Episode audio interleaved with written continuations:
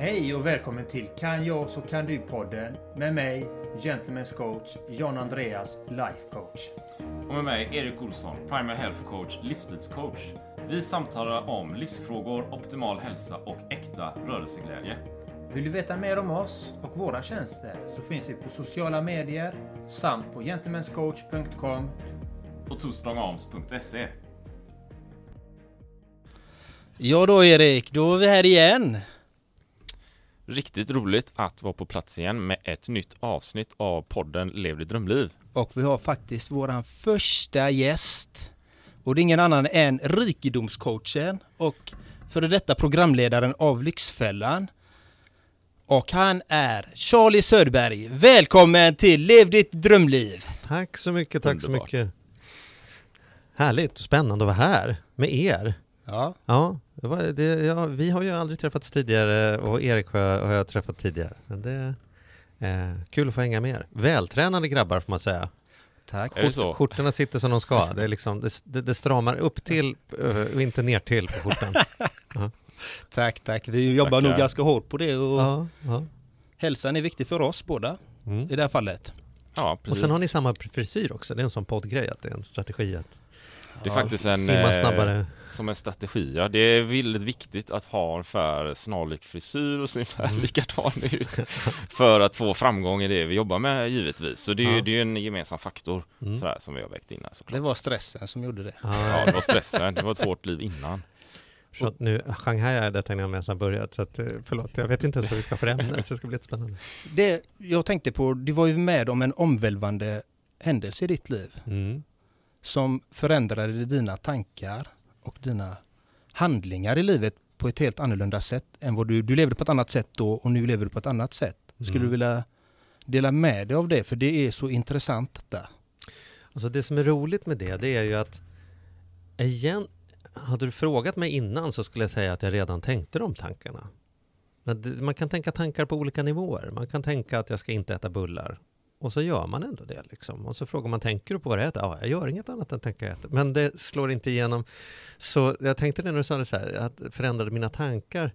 På sätt och vis förändrade nog inte mina tankar alls, men de flyttade till ett ställe i eh, huvudet eller bröstet eller vad man vill säga, där de faktiskt gjorde någon skillnad. Det där är någonting jag engagerat mig mer och mer i, liksom att var ska tankar bo någonstans för att de på riktigt ska vara till nytta? I mitt fall, jag jobbade ju mycket Ehm, med att hjälpa människor att hitta sitt rikare liv på både den ena och den andra ledden. Mycket kring hur man skapar passiva inkomster, mycket man får mer tid i sitt liv och sådana saker. Eh, byggde upp balansekonomi tillsammans med ett gäng häftiga människor. Försökte skaffa barn, länge försökte vi skaffa barn, det var liksom på våran lista. Eh, och det krävdes eh, såna här hormonbehandlingar, Andrea behövde opereras så vi fick göra så provrörsbefruktningar. Och så till slut var vi gravida och var gravida i lite drygt tre månader. När jag plötsligt en dag ute och går på stan tappar balanssinnet. Att jag eh, singlar ner på gatan och eh, liksom, inte ska inte säga att det snurrar, det lutar. Eh, det kändes ungefär som om någon stod bakom axeln och försökte dra mig snett bakåt till vänster omkull hela tiden. Så liksom när jag försökte stå upp så, så hjälpte inte världen till riktigt. Så jag, jag eh, gick in på ett café där jag skulle träffa några kompisar tillsammans med Andrea och då, då eh, sa de så här, du har fått sådana här kristaller i örat. Har ni hört om dem? Det har jag verkligen gjort. Ja, du, har haft sådana? Ja, precis. De, Ja. de, de trodde det, men det var inte det. Nej, så så var det ju här då. Kristaller i örat sa alla. Det är inget farligt, men det är väldigt, väldigt obehagligt. Hem och lägg dig så får de där kristallerna fixa sig själva på något sätt. Så jag gick hem och la mig, eh, vaknade upp fyra timmar senare. Då kunde jag inte ens sätta mig upp i sängen för att det lutade så mycket. Plus att jag hade förlorat känseln i ansiktet och hade ingen hörsel på, på vänstra örat. Och här någonstans så börjar ju till och med jag tänka så här, det här är nog inte kristaller, det här är någonting annat. Så jag åkte in till sjukhus och de skjutsade vidare mig till ett annat sjukhus som skjutsade vidare mig till tredje sjukhus och ingen visste vad det var. Det var EKG och det var hjärtat och det var låsningar i nacken och det var, du vet, man, man provade allt möjligt. Och sen så till slut då, då, då kommer man till den här punkten man är bara glad om någon hittar någonting till slut. Liksom. Och då sa de så här, nu har vi hittat någonting. Och då fick jag reda på att jag hade en cysta i huvudet. Eh, en hyggligt stor sån eh, som satt och tryckte på hjärnan och satt och tryckte på eh, liksom, några av kranialnerverna som påverkade balanssinnet och hörseln och lite sådana saker. Eh, och för mig var det ju så här, eh, först att bara famna vad de sa, att de började prata om så här, cancer och hjärnan i samma mening. Det kan man säga, det var ju ganska chockartat. Eh, och behålla lugnet i det, vilket gick sådär. Um, ehm, jag kommer ihåg att jag låg där på sjukhuset ensam och så plötsligt slog det mig. Liksom, jag hade varit så upptagen med hela den här sjukdomsgrejen och nu hade jag fått beskedet om vad det var. Ingen visste om det, var, liksom, om det skulle växa fort eller långsamt, om det var aggressivt eller inte aggressivt. Jag bara konstaterade att jag var passiviserad och eh, sjuk. Och då plötsligt, mitt uppe i allt detta, så inser jag, men vad fan, jag ska ju bli pappa. Det är ju, om sex månader så, så, så ska det födas ett barn här, som liksom i min vision har jag sett mig växa upp med det här barnet, att vara där när liksom försöka få honom att somna i knät när, när liksom han ligger och andas mot bröstet, så varmt som bara en bebis kan göra, som är alldeles dyblöt om tröjan, men ändå sitter still bara för man vill liksom så här, höra de där fötterna som ska komma och springa över mm. över trägolvet in i sovrummet, hoppa upp i en säng så här, tuk, tuk, tuk, tuk, tuk, och, så, och jag ligger där i den där sängen och plötsligt så inser jag att det kanske inte blir så. Det, det, tänk om jag är... Ja men hallå, de säger ju de säger vad de säger. Jag är kanske död innan, innan han föds. Liksom. Mm. Vad gör jag nu?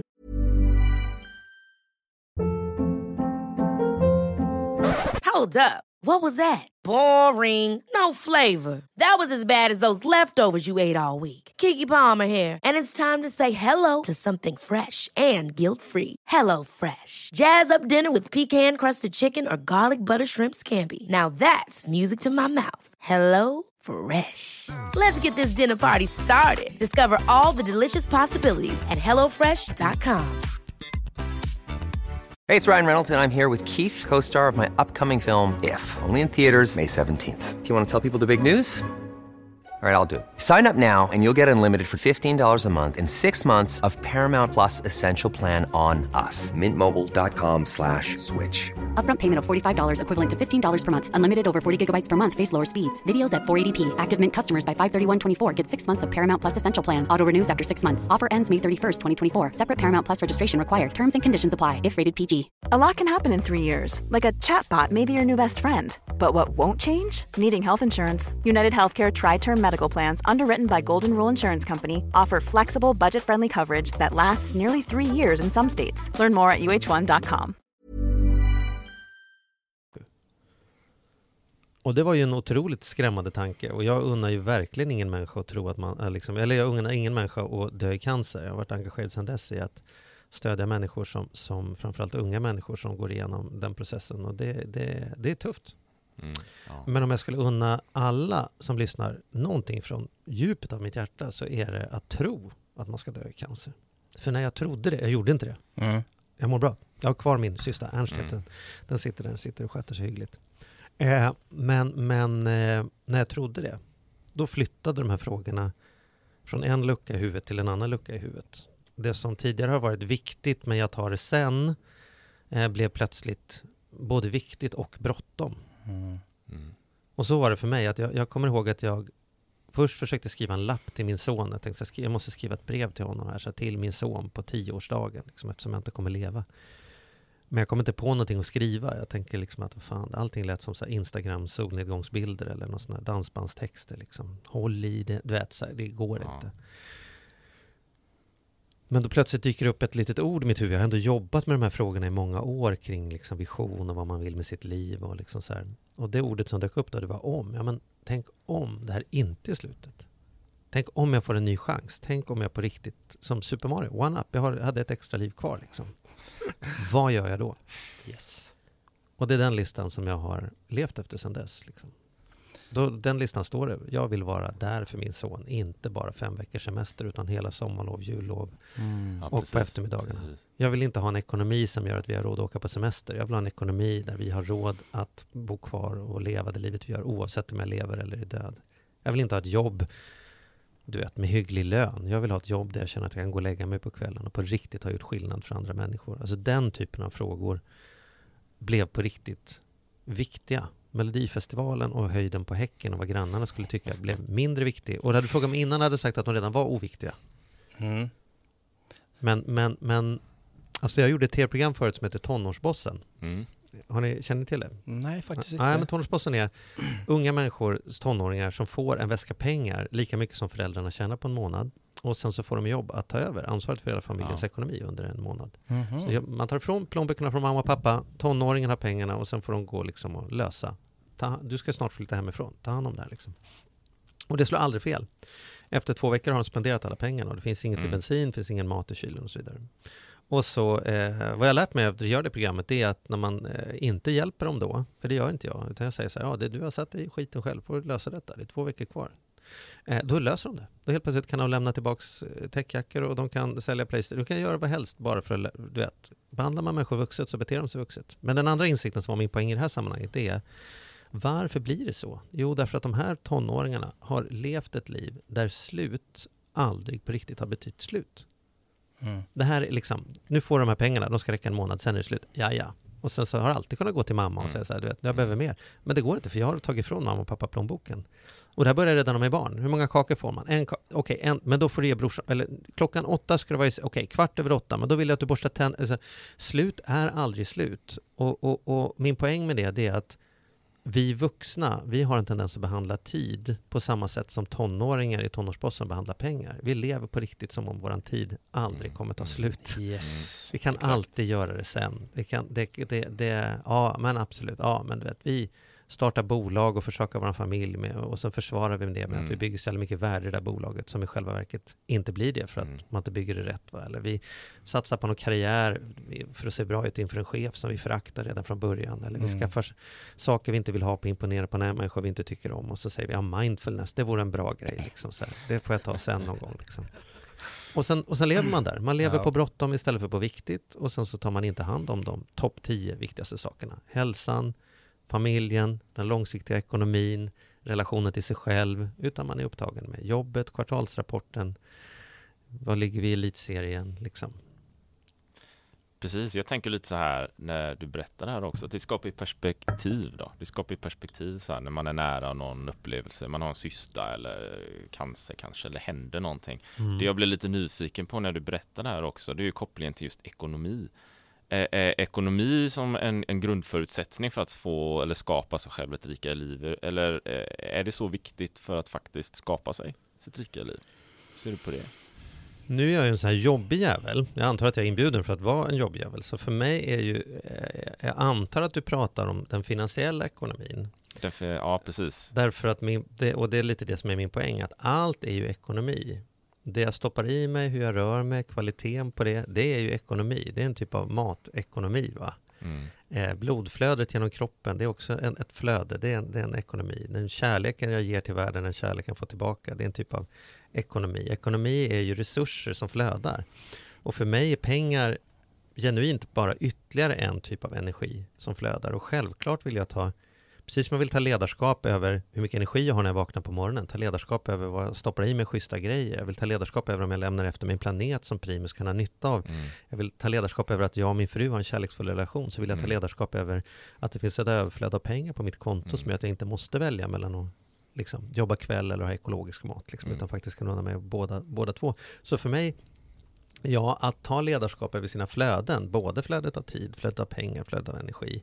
Eh, det skulle jag säga är en nyckelfaktor för att uppleva ett, ett rikt liv. Eh, absolut. Sen, och, sen har man olika visioner för hur mycket pengar det ska innehålla. En del är ett rikt liv att kunna avveckla allt och sitta i en koja i skogen. Och, och, liksom, och för någon annan är ett rikt liv att eh, busigheten att ha en, en cab som man kan köra upp i bergen. Liksom så här. Och jag har ingen åsikt om att det ena är bättre än den andra. Det jag har åsikter om är att om man har någon av de önskningarna och sen inte agerar i linje med det och sen berättar bullshit-storyn varje dag om att det inte är möjligt eller att det är svårt Mm. eller att man ska sätta igång sen. Det, det, där dyker mitt problem. Men balansekonomi som är det utbildningsföretaget som jag, som jag har grundat, det är ju, bygger ju på den tesen att ekonomi har vi hundratals ekonomier och den finansiella ekonomin är absolut en av dem, men skiljer sig inte markant från hälsoekonomin eller kärleksekonomin eller någon annan ekonomi. Mm. Makade det någon sens eller?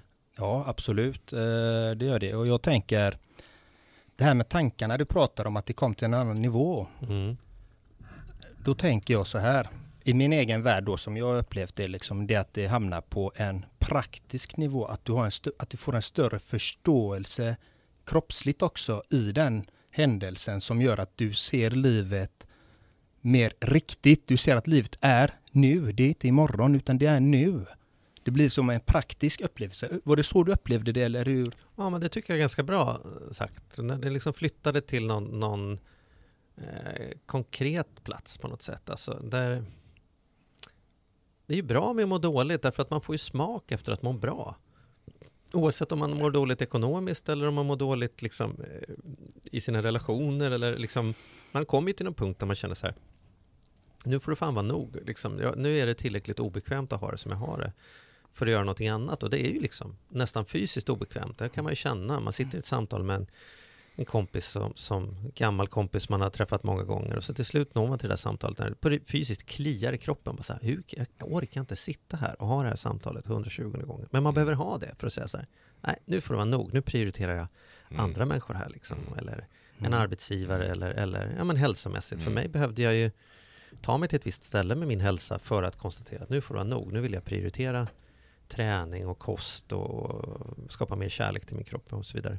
Så att, eh, ja men det, jag tror att man kan nästan kalla det för en fysisk känsla. Och det är därför jag gillar dålig stämning så mycket.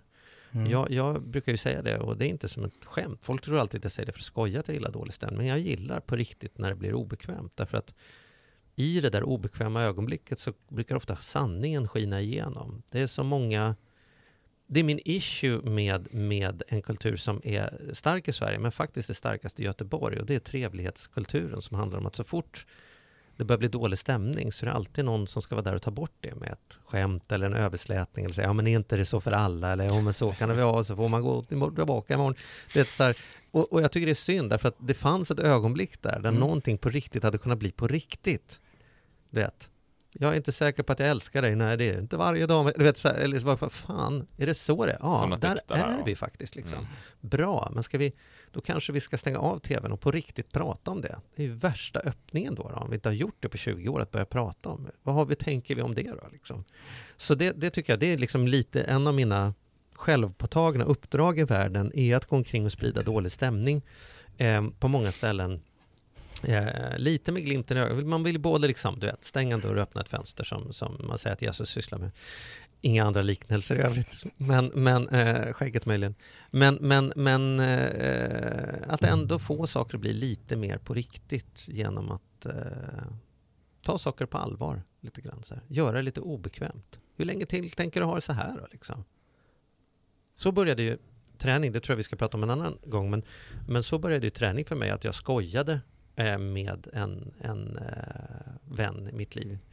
Eh, och sa det, ja, nu har jag haft träningsuppehåll i åtta år, haha, liksom, och jag är trött, eh, du vet hur det är, fan november, man är ju trött liksom, tungt att komma upp på morgonen och sådär.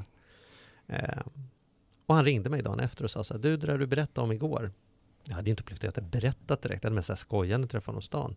Det här med att du är trött på morgnarna och inte har tränat på åtta år, det är inte okej för mig. Det är inte okej för mig att du har det så. Om du är beredd att göra någonting åt det, jag är beredd att göra någonting åt det. Jag är beredd att hjälpa dig för att eh, jag kunde inte somna igår kväll och tänkte så här, ska det vara så i Charlies liv? Liksom? Mm. Det är ju jävla coolt en människa Det som... är fint. Det är bra. Det är ju bra. svårt för mig att säga så här, vet du vad, det, Verkligen. jag skiter i det, jag skojar, Ja. med det. jag fortsätter med Nej. kebab. Utan då blir det så här, nej men det är rätt, nu när jag hör Ja, dig säga vad jag sa, Ja. så hör jag att det är ju helt jävla ur. Det, Ja. det är ju inte okej liksom. Medmänsklighet, Mm. så fint. Mm.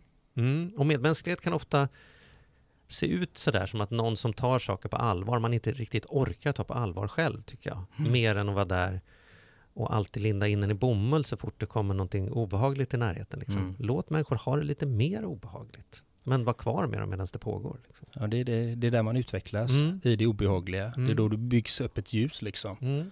Så att, eh, men gillar du att trigga folk då, så att de ska verkligen känna detta? Jag tror nog att jag... Eh, nu ska jag tänka efter. Nej, det är ett tvångsmässigt beteende jag har. Jag gillar ju inte att vara den där människan som alltid ska hålla på. Jag är ju avundsjuk på människor som kan gå omkring på fester och bara mingla och skapa god stämning och så här. Ehm, Då ska Ja. du gå med mig då. ja, får hänga med John Andreas här. Ja, men blir så, att, så att jag blir ju, jag blir ju liksom så här, nej jag gillar inte alls att vara den. Folk tror att jag, jag har någon sadistisk ådra. När jag gjorde Lyxfällan så tänker folk så att man går hem efter en dag och känner så här, bra gjort. Man går hem och mår skitdåligt. Man kan inte ens ta en öl i baren för man tänker så här, nu har jag lämnat en, en hel familj här med frågan, "Ja, ska vi ha råd att bo kvar eller inte? Och nu åker jag hem här liksom. Och sen så kommer jag tillbaks imorgon, men hur kommer de ha det när de ska sova ikväll? Jag tycker det är skit. Jag förstår att Ja. det enda som kommer göra skillnad är att jag tvingar dem att ligga sömnlösa en natt så att det flyttar ner i hjärnan till ett ställe där vi på riktigt inte håller på och tjafsar om om man har rätt till motorcykel eller inte, utan på riktigt förstår att det här handlar om att rädda familjen. Och då behöver de ha den där natten, det förstår jag.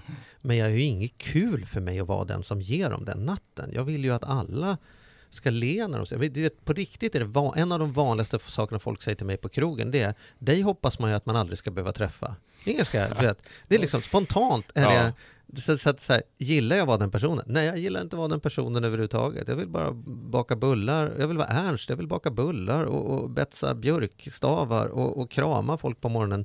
Men nu har jag det här tvångsmässiga beteendet att vilja göra skillnad och ehm, det är starkare. Jag är mer driven av att få vara med i det där laddade ögonblicket när någonting vänder. Det som jag själv har upplevt ett par gånger i livet och sedan dess fått uppleva med massa människor på balansekonomi och i en rad andra sammanhang än vad jag är liksom driven av den där eh, mysfaktorn. Men, men det är inget göttigt liksom. Men det, jag tänker ju så här att ofta behöver man ju en chockerande effekt kanske då. När man ska komma igång med träning eller man är inne i okej-zonen så här. Mm. Den är okej och där är det bekvämt och det är lite varmt och det är lite mysigt kanske. Och det är inte jättetufft men det är inte heller jättebra. Men för att komma ut ur den zonen så behöver man ju ofta någon, någon eh, chockfaktor. Kanske en rikedomscoach Mm. eller något liknande som pushar den som triggar igång någonting. Det är ju en Mm. jätteviktig egenskap Mm. i så fall då. Mm. Så att man kommer vidare och det, det är det ju oavsett om det är ekonomi eller hälsa eller något annat område också. Jag tror att man behöver, man behöver stanna upp, ta en paus från sitt eget liv eh, och titta lite från utsidan. Eh, vilket det här dissocierade perspektivet som vi allt som oftast inte har. Vi är så upptagna med att försöka lösa de problemen vi har, så vi, liksom, vi springer runt i den där, liksom, vad det nu är för någonting i ditt fall, om det är en fotbollsplan eller om det är en labyrint eller vad det är. Men vi, men liksom, och i den är det svårt att se, är det här, är det, vad är det värdefullt, vad är inte värdefullt, vad ska man göra, inte göra? Så vad man behöver är ju liksom ta och, och då ta en rejäl upphopp och, och klättra upp ovanpå labyrinten och titta ut över labyrinten och säga så här, så här springer jag runt. Vill jag göra det överhuvudtaget? Eller liksom så här, hallå det är ju ingen ost här borta överhuvudtaget. liksom så här, och det där kan man göra på olika sätt. Ett sätt är ju att skaffa sig någon som tar ens frågor på allvar och liksom drar upp en och säger kolla nu på livet här. Liksom, har man en relation som är okej kan man gå till en samtalsterapeut eller en parterapeut som kommer lyfta upp och säga så här, hur är det med, liksom så här, vad upplever du om du skulle titta den här personen det, det är ju ett sånt ögonblick. Ja. Eller så kan man skapa det själv genom meditation, man kan skapa det genom olika typer av, så åka på kick-off som jag och gör själv var sjätte månad och med Andrea var sjätte månad. Eh, Eh, där vi tittar på alla områden i livet och säger så här, var är vi idag, vad skulle vi vilja vara, vad har vi gjort, vad är vi nöjda med, vad kan vi göra annorlunda? Men om man inte gör de sakerna, då lär man ju få vänta till livet trycker upp en i det hörnet med en cancer eller en stroke eller en skilsmässa eller någonting sånt. Då hamnar man ju också offside i livet och är man offside då ser man ju planen lite mer. Va? Så, så ehm, det, det är ju som, som min kompis Jan brukar säga att när, när nu är inte jag religiös, men han säger så här, när, när Gud vill att man ska förändras, då kittlar han en med en fjäder. Och lyssnar man inte då, då provar han en tegelsten. Liksom. Mhm. Man får ju signalerna, men vill man inte ta dem, då kommer ju de här. Säger man, varför ska jag få allt skit? För du lyssnar ju inte när någon kommer med fjädern. Liksom. Ibland krävs det ett helt hus som ska rasa över den Ja, för att man ska vakna begravd under en skyskrapa. Jag är fascinerad över att i alla områden där jag, där jag har utmaningar, så, så, och jag tror att det är är för andra människor också, eller det är min tes i alla fall, då är man så krampaktigt fast i sitt sätt att göra saker. Det är att man är beredd att ge upp det här resultatet och det här resultatet, allt det man vill få ut, det är man beredd att förhandla bort och säga det går inte, eller det kan man inte, eller jag, det är jag för gammal, eller jag är fel kön, eller så, för att få fortsätta göra något som inte funkar sättet. Men nu är ju jag ingenjör, eller nu har jag ju tagit det här jobbet, eller nu, nu du vet, jag tycker inte om att träna. Du vet, så här, man, man, man hävdar rätten att få fortsätta göra på sitt sätt. Och när det kommer sen jobbiga människor från utsidan och säger man kan göra så här, stänga av tvn, så man säger fuck you, du vet så här. Mm. Och på riktigt i en tråd häromdagen på Facebook om möjligheten att sätta sina sparpengar Eh, i ett sätt som gör gott för världen långsiktigt istället för att sätta dem i sina sparpengar i någonting som förstör världen långsiktigt. Och den tråden tog ju bara fem minuter innan det var 40 gubbar där och berättade att världen var inte alls på väg. Det var bara någon, några, politiker som försökte tvinga oss att och, och, och käka grönsaker och du vet, det finns ingen uppvärmning, det finns inget sånt där. Och jag är så intresserad, men den handlar ju inte ens om det. det handlar, liksom så här, men då, om man inte vill göra någonting annorlunda, då är det ju viktigt att framhålla att det går inte att uppnå det resultatet. Det finns inget vi kan göra. Men i områden där vi mår bra, där vi är nöjda med våra resultat, då är vi beredda att prova nya sätt hela tiden. Jag kanske kan göra så här, jag kan göra så här. Och, och, och, och men gud, om jag... Ja, men det träning då. Säg liksom så här, fan, jag, jag, nej, jag vill inte vara på gym, jag vill inte vara på gym, jag vill inte vara på gym, jag vill inte, kan hålla på i 20 år och inte vilja vara på gym. Det har jag gjort, jag har provat i över 20 mm. år och inte vilja vara på gym. Och sen förhandlat bort, förhandlat bort, förhandlat bort resultat, bara för att slippa vara på gym.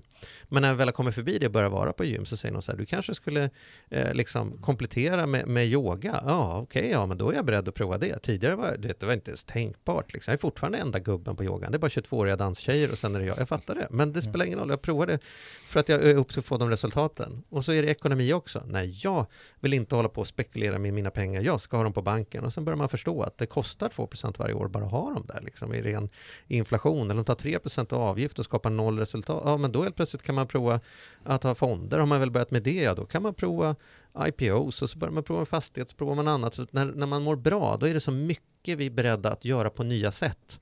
Men när man mår dåligt, när man upplever att man verkligen sitter fast, då är man som minst sugen på att prova någonting nytt. Och då hjälper det inte att komma någon klämkäck människa och säger så här, vi kör, jag, du vet, här är 5A morning eh, challenge, gå upp fem varje morgon, du kommer må så bra. Det är som så här, du vet, fuck you, jag, jag är redan trött som det är, ska jag sova mindre? Liksom? Det kanske funkar för dig Erik, för mig funkar det definitivt inte. Och det, det, tycker jag, det måste man ha empati med, att när vi sitter fast, då är vi naturligt jävligt osugna på att prova någonting nytt. Vi är mer upptagna med att, kan jag få bli respekterad för att jag sitter fast här borta? Mm.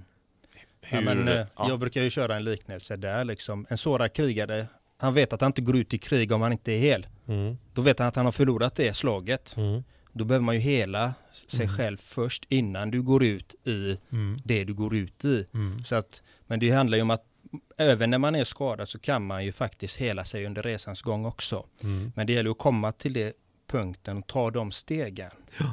Så hur ser du på det? Ja, man bör, till att börja med måste man ju tacka ja till att hela sig själv. För att först är man ju upptagen med att det är inte jag som är trasig, det är allting annat som är trasig. Alla andra är vilse, men jag är... ja, Har du samarbetssvårigheter? Inte jag, men ja. alla andra idioter på jobbet, det går ju för fan inte att prata med. Du vet, ja. så här, och där hamnar man ju. Jag, jag, en av de värsta sakerna jag har lärt mig i mitt liv, det är ju personligt ansvar. Det, det, det, är, det är det bästa och det värsta jag har lärt mig. Därför att jag har på riktigt lärt mig, det har flyttat ner i kroppen, att livet har med mig att göra. Alltid. Alla resultat jag har i livet har någonting med mig att göra. Och det är den mest plågsamma insikten man kan ha. Därför att man kan aldrig långsiktigt vara arg eller vara bitter eller vara trött på vilken idiot eh, medarbetarna är eller hur korkade kunderna är eller varför SD beter sig som de gör och varför Moderaterna gör som de gör. Det, är liksom, det vore så skönt om man bara kunde lägga sig på sängen och lyssna på liksom black metal-låtar och tycka att det är något fel på världen. Liksom. Men jag inser efter tio minuter, men vänta nu, det här har någonting med mig att göra. Det, här, det är ju jag som inte har gjort det jag sa att jag skulle göra. Det är därför de här inte gör. Jag kan göra någonting annorlunda för att få andra resultat i mitt liv. Personligt mm. ansvar är ju där det faller tillbaka hela tiden. Och det är inget kul att hålla på med, men det är det enda som ger resultat. Um, tyvärr. Det, jag, jag säger inte att jag inte önskar att jag hade lärt mig det. För hade jag inte lärt mig hade jag inte haft hälften av alla de sakerna jag är otroligt tacksam över i mitt liv. Men det är lite som att vara den där jobbiga människan på festerna. Det är fortfarande inte som att det är så jävla kul att ha insett att livet har med mig att göra. Men när du säger att du är jobbig, mm. på vilket sätt är du jobbig? Liksom, om du bara ställer en fråga med glimten i ögat, men om du mår så skit, varför väljer du att må så skit? Mm. Då, det är ju sanningen. Mm. Då är man väl inte jobbig egentligen? Det är väl jättejobbigt, eftersom jag dessutom gör det utan den där glimten i ögat. ja, det, det. finns ingen glimt. finns ingen glimt. Alltså att, alltså att, det är klart att det är jobbigt, så är det ju för mig också. Det finns massa områden i mitt liv som inte ser ut som jag skulle vilja att det ser ut. Och om någon på allvar säger så här, men hur länge tänker du ha det så då? Nu har jag hört dig prata om detta i två år tror jag. Är det två år du har gått omkring och pratat om detta? Det, jag ser fortfarande ingen skillnad. Vad handlar det om? Liksom så här. Det är så här, men kan jag inte... Andrea kommer hem från jobbet, min fru, och sen så tycker hon att chefen är en idiot. Eh, inte längre, men, för, men det fanns en tid där det fanns många sådana konversationer. Då är jag den sämsta livspartnern att ha. För jag, jag, om inte jag verkligen, verkligen passar mig och inser att det är ju Mm. en, en det är ju en make hon behöver här som håller med henne i allt och säger så här, ja du vet, det är du och jag älskling, chefen är en idiot, jag förstår det, men det var starkt av dig att ens gå till jobbet, liksom så här. Det är det hon behöver, men jag är ju inte den, utan jag säger så här, okej, så vad sa du när, vad sa han när du sa det då? Nej men det har jag inte sagt, okej, så, så du förstår inte varför du har det samt, du vet så här, så här hela tiden. Så jävla jobbig liksom. Kan man inte bara få ta en bulle och tycka synd om sig själv? Och det är klart man får hela tiden. Det är bara det att jag är en dålig partner i det. Nej, jag Jag tycker är- du är jättefin. På riktigt, alltså det är ju jättevackert för att det, vi har ju förbättringsområdet. Hon hade ju en möjlighet att förbättra sig där. Så vet hon ju den situationen kommer komma igen. Så där är du ju väldigt snäll. Mm, är fint att du ser det så. Det för, det, för det gör jag. Ja. Jag ser det verkligen så för att jag säger ju så till min partner. Mm. Ah, okej, du pratar till dig själv här. Nej, men jag, jag, jag, men jag, precis, men jag känner igen mig i det du säger. Ja. Och du säger att det inte är fint, men jag tycker det är fint. För Mm. att du har, ger ju människan en möjlighet att faktiskt reflektera över sitt eget beteende, varför hon får resultaten som hon får med motparten. Mm. Och varför hon reagerar som hon reagerar. Mm. Mitt råd till dig är samma råd till mig själv. Är att just med sin närmaste relation kan också finnas en poäng att lita på att de hittar utrymmet för den reflektionen i alla fall. Det är vad jag lärt mig med Andrea, att jag behöver inte coacha henne. Jag kan hålla om henne, eh, hälla fram- upp ett glas vin och säga så här, vi alla har vi en tuff fredag, liksom. Vill du berätta mer om hur det var? Så kommer hon komma tillbaka dagen efter och säga, du, det där vi pratade om igår, eh, vad skulle, tror du skulle hända om jag gjorde på det här sättet istället? Eller tycker du att det det är så här, hon kommer, behöver inte, behöver inte alltid ha en, en coach som, som eh, hugger dem i haserna bara för att jag är så torsk på att göra skillnad. Liksom. Det är ju faktiskt mer mitt behov än hon är ju en fantastisk kompetent person. Alldeles utan, om jag dör kommer hon få fortsätta få insikter i sitt liv ändå. Det handlar faktiskt inte om mig. Så att eh, det är tveeggat det där. Å ena sidan Mm. har jag min drivkraft att göra skillnad. Å andra sidan så inser jag att det är också någon typ av hybris. Vad är det som är så viktigt att just jag ska gå omkring och göra skillnad? Människor är ju faktiskt minst lika kompetenta. Jag tror ju inte på riktigt att jag har svaren och alla andra är oupplysta liksom. Utan jag, jag, jag blir bara engagerad i frågan. Men det kan ju upp- upplevas som om jag tror att jag frågar för att jag vet redan vad som är rätt svar på den här frågan. Det är de värsta coacherna som finns. Liksom. Hur, eh, för det är lite spännande så här, de olika roller som vi kan ha, de olika rollerna som Charlie kan ha, rikedomscoachen, eh, programledare Lyxfällan eller, eller bara så att Charlie som Mm. Charlie är. Och välja de rollerna och veta kanske när man ska välja de rollerna och hur man pratar med sin sambo eller sin fru eller sin flickvän eller sina barn och det kan ju vara lite olika fack man lätt kan hamna i. Hur, hur ser du på det? Är det väldigt lätt och, och eller, eller vem är Charlie kanske jag till och med ska fråga. Så Mm. är det rikedomscoachen eh, alltid dygnet Mm. runt eller är det, är det Charlie? Jättebra fråga. Ja, bra fråga. Eh, så här är det. Jag kom fram till för ungefär två och ett halvt år sedan att jag inte hade någon bra svar på den frågan.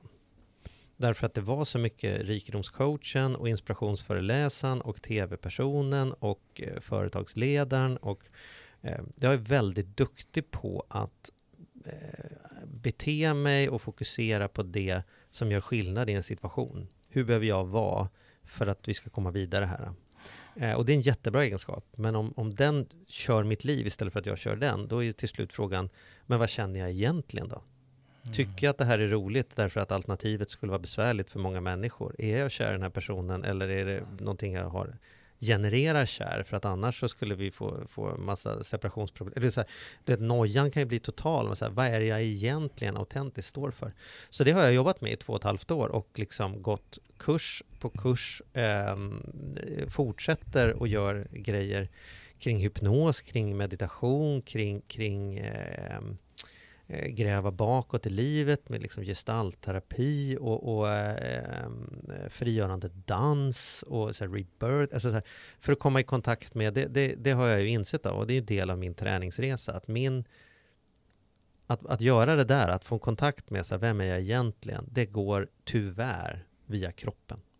Jag behöver vara mer landad och i kontakt med min kropp. Och när jag förstod det, det var också en sån här dag med riktigt dåliga nyheter. Bara, nej, Mm. vad som, ge mig en modell jag kan tänka på. Tvinga mig inte. och hänga med kroppen. För jag hade på riktigt, det var ju min insikt då, en relation till kroppen som att den var något nödvändigt ont som mitt intellekt behövde släpa omkring på. Och om jag skulle börja lyssna på den, då, då du vet, det, skulle, det är som att adoptera tre, tre tonåringar. Bara, nej, ska jag hålla på att ta hänsyn till de här som ska hålla på och skrika och gapa och vill ha en massa saker. Liksom så här. Gud, jag hade ju nog med det som var. Så, eh, så var det. Att, eh, mitt, svaret för mig är ett mer autentiskt närvarande till mig själv går via att eh, fortsätta jobba med att landa i kroppen. Hänga med min kropp och, och lyssna på signalerna och börja lyssna mer på mig själv. Men det är en tuff resa för mig eftersom jag redan är så stark i att vara den som bla bla bla. Jag, jag kan förstå det mer än väl. Jag kommer ihåg när jag, när jag gick i balansekonomi där och, och det var mycket personlig utveckling och det var väldigt givande och så här. Och samtidigt så själv är jag intresserad av träning och hälsa och rörelseglädje och äventyr och de här grejerna. Men ibland kunde jag väl känna mig som en robot kanske, där, där hjärnan var den som stimulerades, men resten mm. av kroppen, eh, inte i förfall kanske, men den fick mm. ingen stimulans sådär. Och det är ju egentligen samma sak. I min värld är det ju det mm. att, att Ska jag ha kanske personlig utveckling och så vidare, ja men då måste jag använda kroppen för det är genom mm. kroppen jag kan känna mina sinnen och vara ute i naturen, mm. träna, springa, svettas, eh, väder och vind spelar ingen roll så här, det är ju genom kroppen jag upplever resten av världen så mm. det är ju omöjligt att koppla ifrån dem men det, det kanske är någonting som vi inte alltid tänker på när det gäller personlig utveckling, kopplingen mellan hjärnan och, och det fysiska. Nej, jag skulle nog säga att det är mycket så. Det är ju, ehm, jag har ju startat ett koncept som heter Joines som jobbar med just att kombinera utvecklande coachande samtal med, med fysisk träning i grupp då, utomhus. Och det är ju just baserat på den insikten att vi har en tendens att jobba med det ena eller med det andra, men inte i kombination. Och för mitt, mig har jag sett och, och, oslagbara resultat med att börja kombinera de här två delarna samtidigt. Och det visar sig också när jag pratar med, med andra och de som vi har liksom som, som deltagare.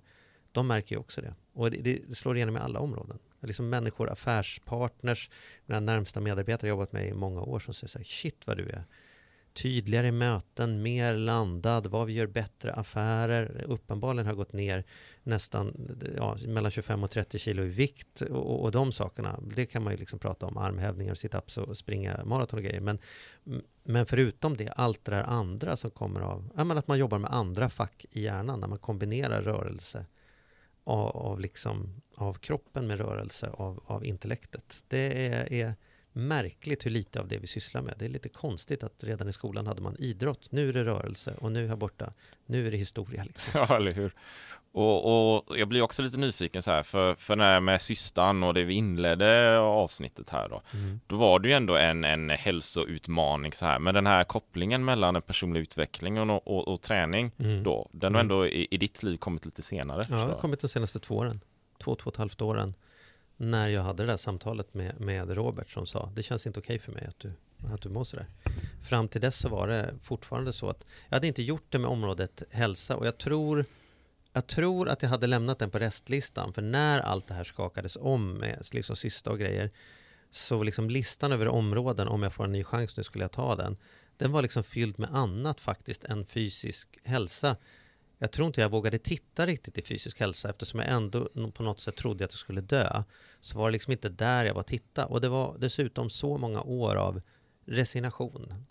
Att det alltid varit en den klenaste, jag har aldrig varit med i några lagidrotter, jag har alltid varit mobbad, jag har varit utanför. Så, så liksom, och min kropp har bara varit ett tydligt tecken på det. Liksom.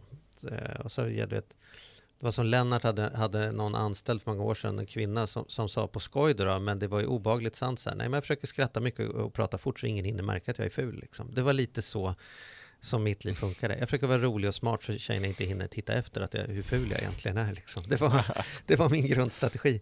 Så, så jag tror att det var där, där någonstans. Och sen så vart jag fet då, då på köpet och det är ju jättesvårt om man aldrig har behövt bry sig om vad man äter överhuvudtaget, man har vägt 59 kilo hur man än har gjort så är det klart att det, att det blir liksom eh, noll modeller för att hantera det.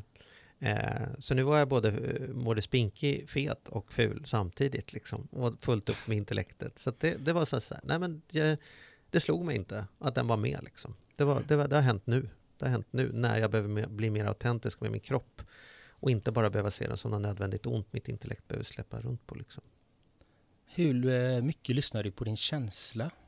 Den intuitiva känsla? Jag, jag försöker... Hur mycket lyssnar jag? De, som- de som känner mig säger att jag är väldigt eh, dedikerad, att jag är eh, som en maskin. I, eh, om jag har sagt att jag ska göra någonting så gör jag det. Så där lyssnar jag inte så mycket på känslan. Jag tror att jag, jag, tror att jag nog har eh, rum då, mentala rum kan man säga, där jag lyssnar väldigt mycket på känslan. Kanske mer än andra.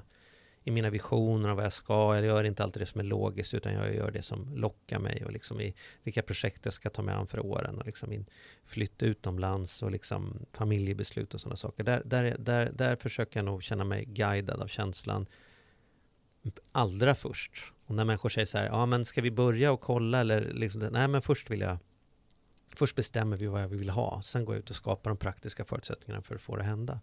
Men när jag väl har gjort det känslomötet, om man har sagt så här, nu ska jag, jag inte, hitta på, springa fyra mil i veckan. Då springer jag fyra mil i veckan utan, utan pardon, någonsin. Då gör jag det. Har jag sagt att jag ska, göra någonting, då gör jag det. Jag gör det när jag har sagt att jag ska göra det. Jag har inte haft en att göra-lista på tio år. Jag skriver in i kalendern direkt när jag ska göra det. Inte när det ska vara klart. Det är bara taskigt. Jag skriver in när jag kommer att göra det. Och sen gör jag det precis då. Jag litar blint på min kalender. Därför att jag vet att jag är emotionell och empatisk när jag planerar det.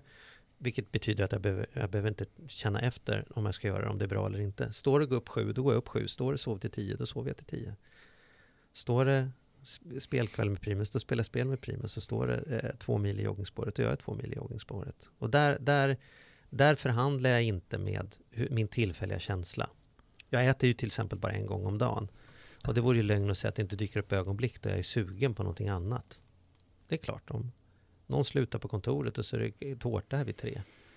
Det är klart att, och skulle jag lyssna på min känsla då så säger min känsla, det är klart du ska ha tårta Charlie.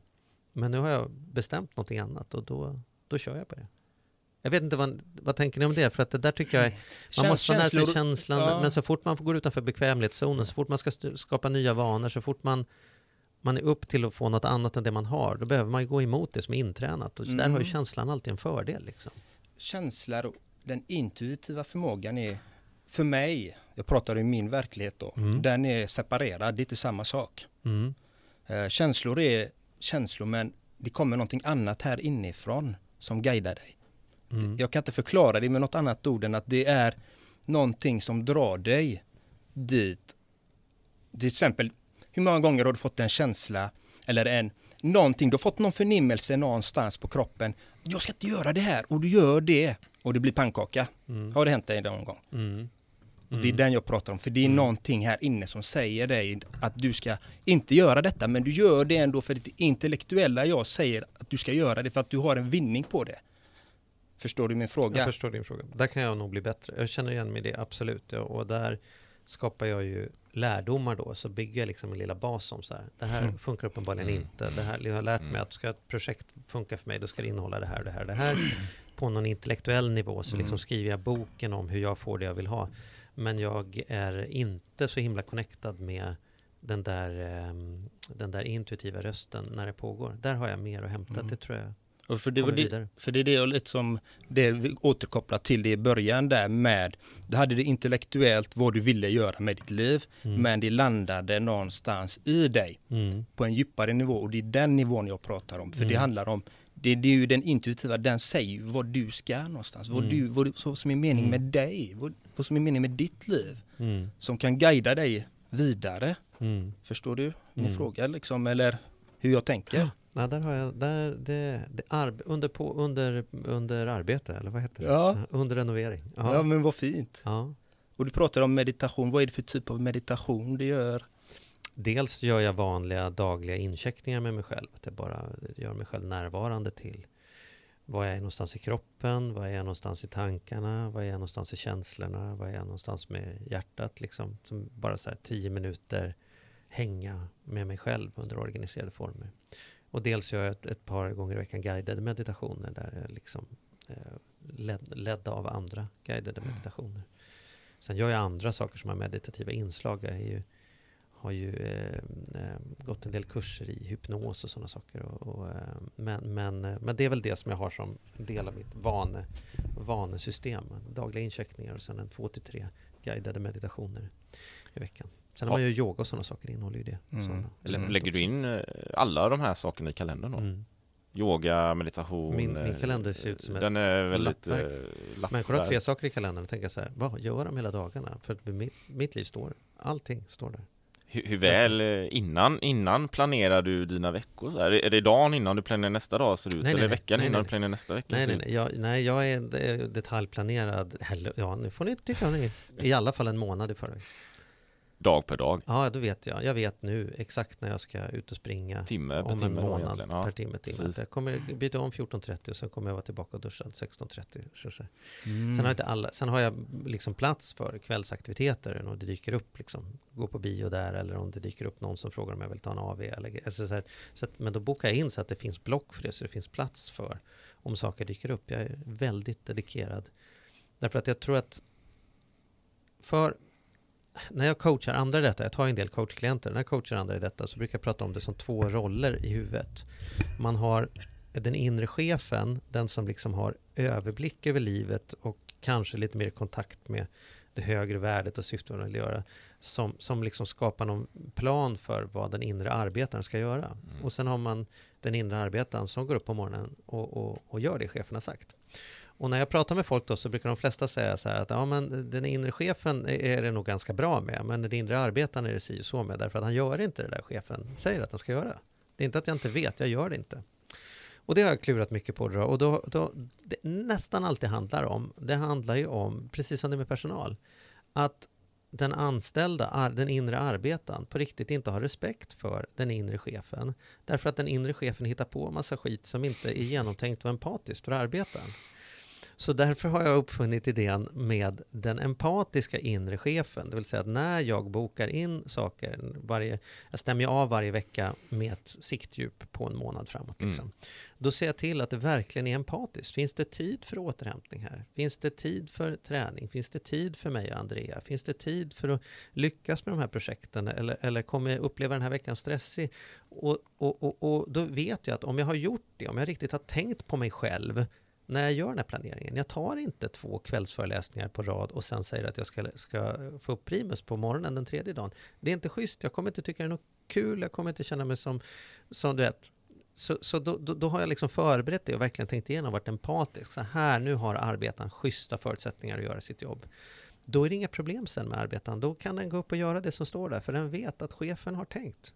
Men ska de två hålla på och förhandla med varandra inför varje joggingrunda? Jag har sagt att jag ska ut med, jag kanske kan göra det imorgon istället. Eller äta grönsaker. Jag är mer sugen på en köttbit än vad jag är sugen på fisk idag. Eller liksom så här, vara mer primus på träningen. Jag har ju så många mejl här. Jag kanske kan stå bak i ishallen och mejla lite under tiden. Jag tar, det så här, den förhandlingen pågår hela tiden. Och det är sånt som gör att man kör på isberget i Titanic. Därför att den som står på bryggan och den som är nere i, i kolluckan har ju inte för, respekt för varandra. Så när de ropar vänster så svänger man inte vänster direkt. Utan man ska hålla på och förhandla med vänster. Liksom. Och det tycker jag där, där, där, där tycker jag själv att jag har kommit ganska långt med att eh, vara en empatisk eh, ledare i mitt eget liv som gör att jag sen kan vara en empatisk eh, eller en förtroende, en duktig arbetare. Liksom. Makeade det någon sens eller? Ja, jag, jag, funderar på när jag lyssnar på dig. Vad är det som driver dig? Many of us have those stubborn pounds that seem impossible to lose, no matter how good we eat or how hard we work out. My solution is PlushCare. PlushCare is a leading telehealth provider with doctors who are there for you day and night to partner with you in your weight loss journey. They can prescribe FDA-approved weight loss medications like Wagovi and Zepbound for those who qualify. Plus, they accept most insurance plans. To get started, visit plushcare.com slash weight loss. That's plushcare.com slash weight loss. Quality sleep is essential. That's why the Sleep Number Smart Bed is designed for your ever evolving sleep needs. Need a bed that's firmer or softer on either side? Helps you sleep at a comfortable temperature? Sleep Number Smart Beds let you individualize your comfort so you sleep better together. JD Power ranks Sleep Number number 1 in customer satisfaction with mattresses purchased in-store. And now, save 50% on the Sleep Number limited edition Smart Bed for a limited time. For JD Power 2023 award information, visit jdpower.com/awards. Only at a Sleep Number store or sleepnumber.com. Att göra allt som du gör. Alltså jag har tre urskilda drivkrafter. De kan vara bullshit. Och det egentliga svaret är förstås att jag inte vet vad som driver mig. Men, men vad, jag, vad jag svarar det är, jag har tre saker som, som, som, som är det rikare liv för mig, som jag liksom strävar mot. Det ena är att ha ett liv.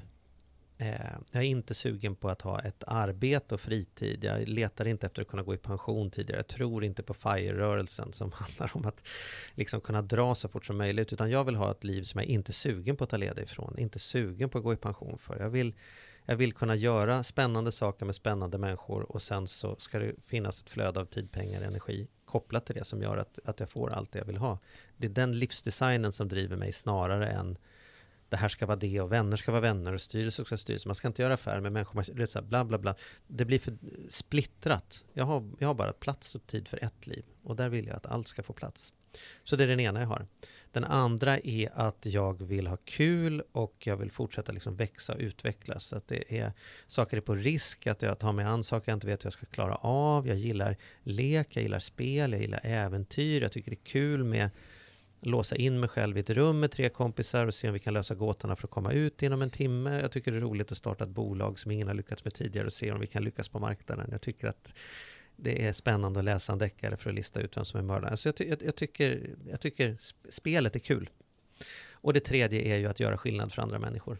Jag vill kunna gå och lägga mig på kvällen och känna att jag på riktigt har fått människor att göra saker som de annars inte hade gjort.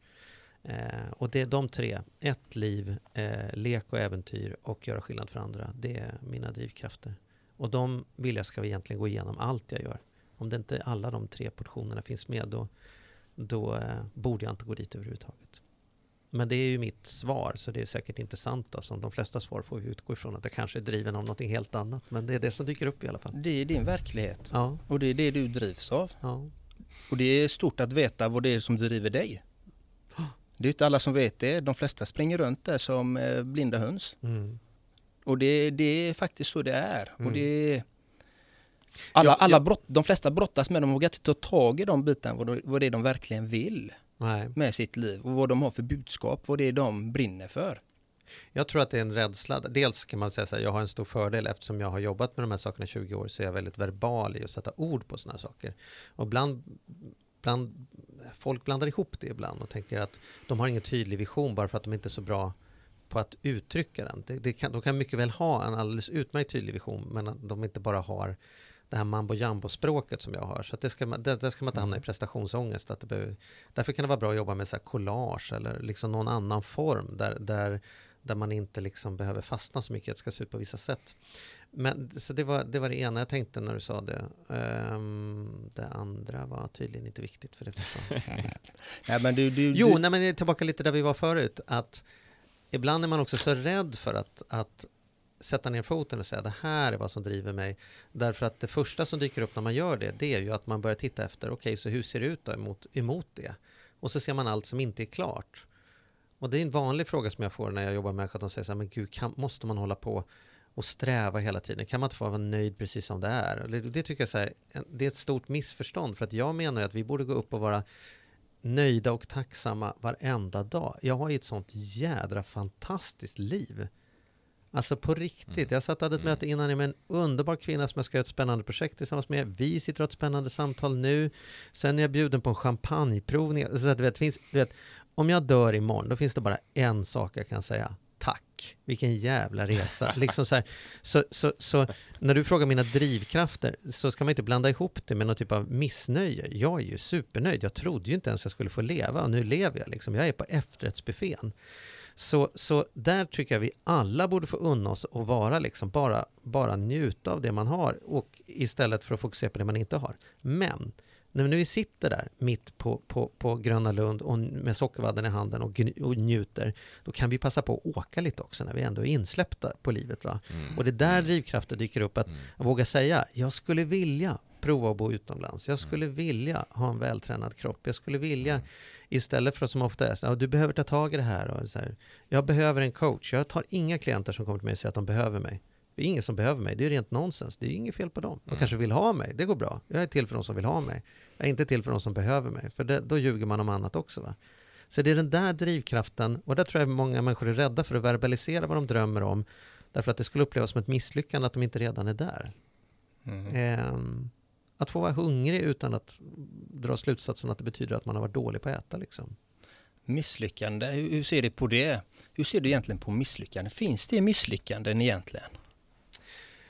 Ja, alltså det finns ju misslyckande så tillvida att man ju dagligen lyckas missa. Det vill säga att man har siktat på någonting och träffar någon annanstans. Det är ju dis- distinktionen av en miss, det är ju så här, det var inte i tian, den hamnar i åttan eller den hamnar på tavlan bredvid. Så då lyckas man ju missa. Sen vad man drar för slutsatser av det, det är ju någonting helt annat. Alltså jag misslyckas ju så tillvida hela tiden. Hela tiden. Det, alltså, jag såg någon så undersökning om Pelé och Maradona, två av världens mest kända fotbollsspelare under tiderna. De, de hade inte högre träffprocent än en genomsnittlig fotbollsspelare när det kom till att göra mål. Men de sköt mycket oftare. Det vill säga, de hade inga problem. Det var ingen som räknade hur många, hur många, hur många smällar de missade, utan man räknade de de träffade. Och jag tror så här, så är det nog med de flesta. Om man, om man inte gräver ner sig varje gång man lyckas missa, utan justerar siktet och skjuter igen, ja då kommer man hinna få iväg många mer pilar. Och då räknar man ju poängen i slutändan, så sitter det fler poäng på tavlan. Men den som är livrädd för att missa, han drar inte iväg en pil överhuvudtaget och då har han noll poäng. Så misslyckanden, ja mitt liv är kantat med misslyckanden. Det betyder inte att jag är misslyckad. Misslyckad är väl den som inte sköt då, då möjligtvis. Hellre dra den sträng som brast än att aldrig spänna en båge som du. Den har man hört. Det har man hört faktiskt, det har man. Ja. Så där är jag väl med misslyckanden. Det är klart jag misslyckas hela tiden. Och jag, jag tycker inte heller om när man ska hålla på så här. Det finns inga problem, det finns bara, bara utmaningar, det, liksom, det finns inga misslyckanden. Därför att det är inte så det känns när det händer. Mm. När man får ett problem i knät, när jag är på väg till er nu och så är det någon som häller en kopp kaffe över mig så jag får ränder på tröjan här. Det är inte min första tanke inte så här, ah, utmaning, utan det första jag tänker så här, fuck, problem. Liksom. Och det är lika bra vi kallar dem för det, för det är så de dyker upp. Och sen när vi nu har dem då, dålig stämning, då får vi se så här, okej, så vad gör jag med detta då? Mm. Misslyckande, absolut. Jag, jag, vi skulle satt igång eh, klockan 14.00. Jag var inte färdig förrän 14.05. Det är ett misslyckande. Då får jag antingen lära mig, eller så får jag be om ursäkt, eller så får jag utgå ifrån att det tar mer plats om jag ska hålla på och prata om det, och så kör vi bara vidare. Men det är ju uppenbarligen ett misslyckande. Kommer jag gå hem och straffa mig själv med någon tagelskjorta ikväll beroende på det? Nej, absolut inte. Det man måste inse med världen, det här är ju folk väldigt omedvetna om. Världen skiter ju lite i hur det går för mig. Solen går ju upp imorgon oavsett vad jag gör. Ingenting av det jag gör är egentligen viktigt. Alls. Ingenting. Hittills har jag åstadkommit noll saker i mitt liv som på något sätt kan anses vara betydande i det här universumet. Jag skulle gissa att majoriteten av intelligent liv i universum inte ens har noterat att den här planet, planeten existerar. Än mindre att det sitter en Mm, tjomme mm, mm. 2020 som heter Mm. Charlie Söderberg som orerar om att göra skillnad. Det är ju rent nonsens. Jag är ju ett gruskorn i rymden. Liksom. Och, i, i, och i, till och med i människor som är nära mig så har jag förstått att de går inte omkring på dagarna och tänker på mig hela tiden. De har fullt upp med sina egna liv. De flesta som är förbannade, Eh, som jag upplever som förbannade på mig, är ju oftast förbannade på någonting annat än på mig. De har inte ens engagerat sig i mig. Om man tänker sig hela världen är emot mig. Hela världen har inte ens noterat dig. De har fullt upp att göra annat än att vara emot dig. Gud har inte så mycket tid över så han håller på att engagera sig till att fucka upp ditt liv. Liksom. Så han, han har nog med andra grejer.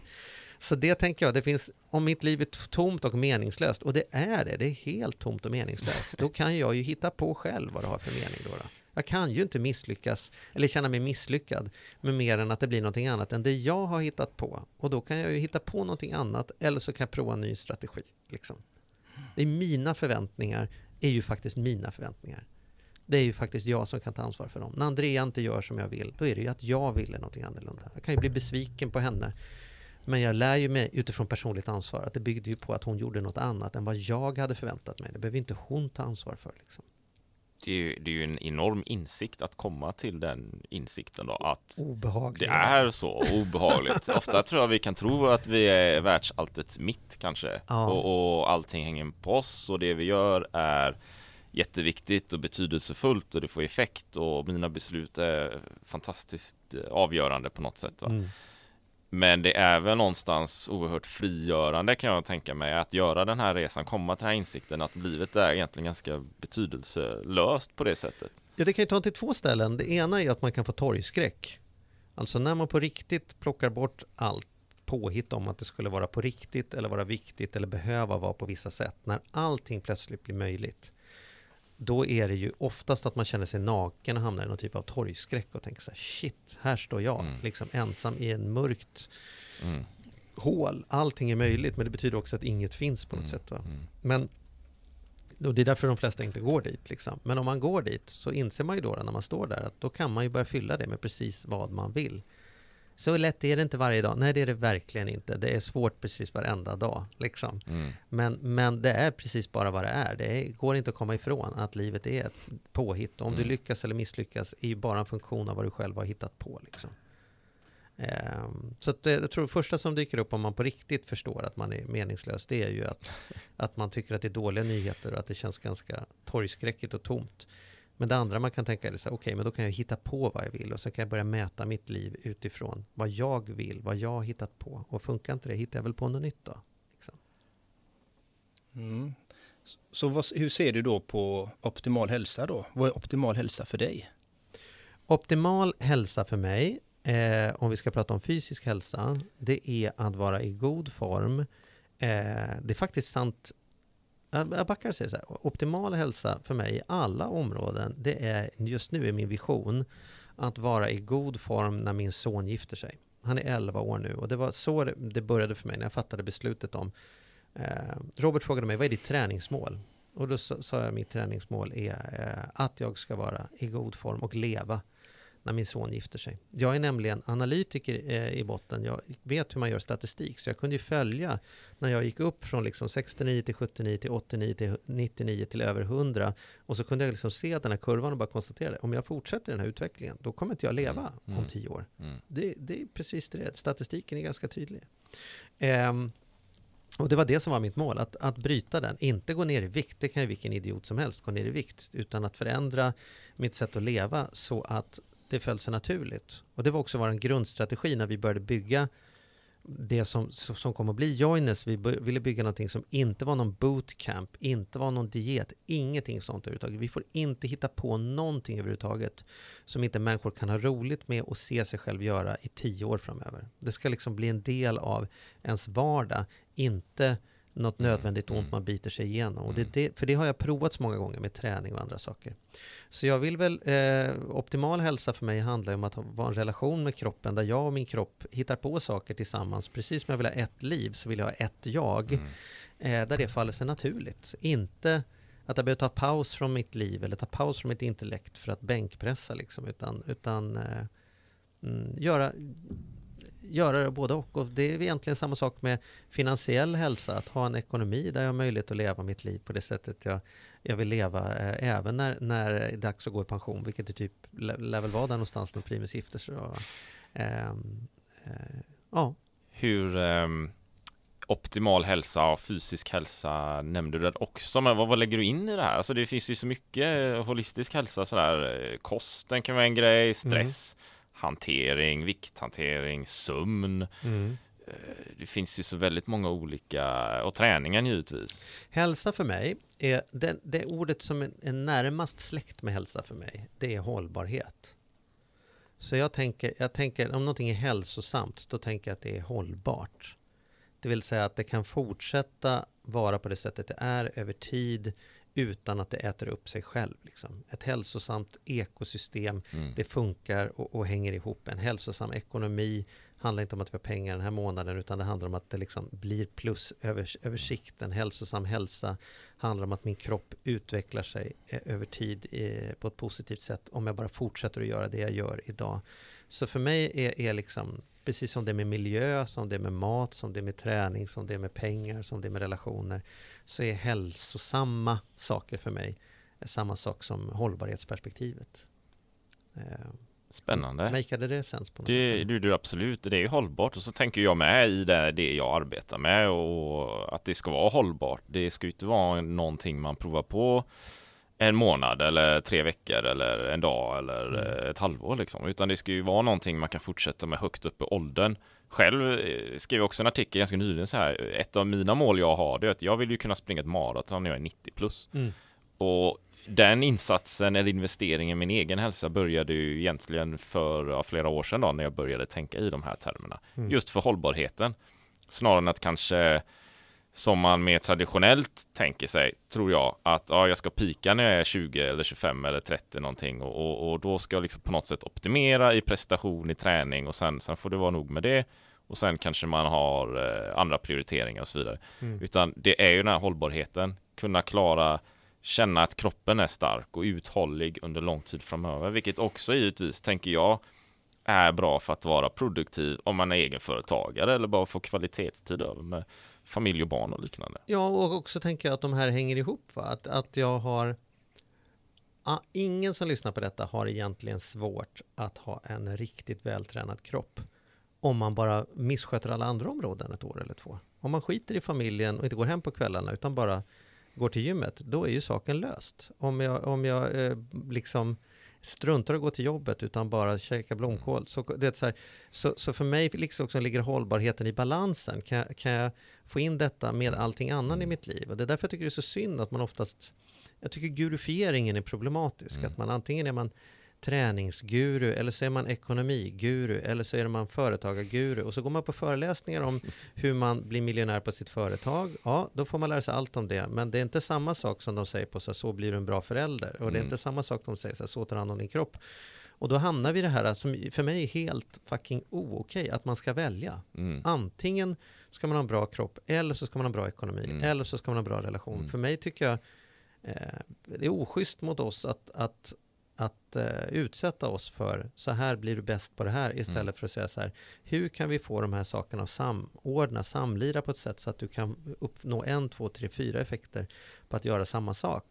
Och det är det jag tycker, det står både Joines och, och balansekonomi för är ju att göra det som är lite svårare, det vill säga blanda ihop sakerna. Så att, men det är också så livet ser ut. Livet sitter ju ihop. Det är ju inget svårt att få mer tid. Det är bara att sluta jobba. Det är inget svårt att bli rik. Det är bara att skaffa sig tre jobb. Men det får tid och Mm, pengar mm. och energi samtidigt. Det är där det blir intressant på riktigt och vi kommer förbi de här bullshit-Expressens topp 10-lista. Så får du rutorna inför sommaren, grejen liksom. Mm. Det tycker jag är hållbart. Och lite nyfiken är jag också, för jag vet, vi har ju pratat lite innan och som jag har förstått så springer du en del Ja. nu för tiden. Hur mycket blir det per vecka? Det blir ungefär ett maraton per vecka. Ja, det är mara, det är 40, 40 kilometer liksom. Ja. Det är en del. Ja, det blir det. Men det, det är, är ju ganska också, seriöst. Det är ju ganska helt, bra Det hade ju volym, varit alltså. helt otänkbart. Om någon hade sagt mig att Ja. det i början så hade jag sagt det, glöm det. Ja. Jag började ju träna på villkoret att det skulle vara max ett pass i veckan. För det var allt jag skulle hinna med.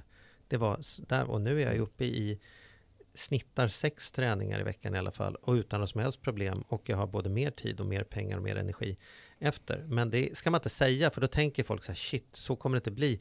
Eller liksom så här, men det är ju en resa va? Det är precis som när man är barn så liksom nyfödd tänker man så här, herregud ska den här personen kunna klättra i berg liksom. Men det, det, först lär man sig sitta, sen lär man sig stå, sen lär man sig gå och sen helt plötsligt så klättrar man i berg utan ens tänka på att det är 48 muskler inblandade som man inte ens... Så för mig har det blivit så här, löpningen ligger på mitt schema som egen tid, tillfälle för, för reflektion. Och jag gör mer affärer, jag tjänar mer pengar på min löpning än vad jag tjänar på någonting annat. Därför att det är då jag stannar upp och får koll på egentligen så här, vad är det som är viktigt, vad har jag gjort, just det, jag behöver skicka det där mejlet, det där projektet. Annars gör man bara det som ropar högst. När jag joggar så kommer, trillar de bort, jag springer ifrån dem. Och så kommer de där sakerna, jag springer ikapp grejer som jag annars inte hade kommit på. Jag har inte hört av mig till den här och jag, jag, det där var ju på listan eller jag måste följa upp på det där projektet. Är, är det här verkligen rätt sak att vara i? Det får jag ut. Så jag kör aldrig någon poddar, aldrig någon musik, aldrig någonting sånt. Utan eh, det är det värsta med, nu får jag köra intervaller för jag ska springa maraton. Och då måste man springa intervaller tydligen. Eh, och det gör jag.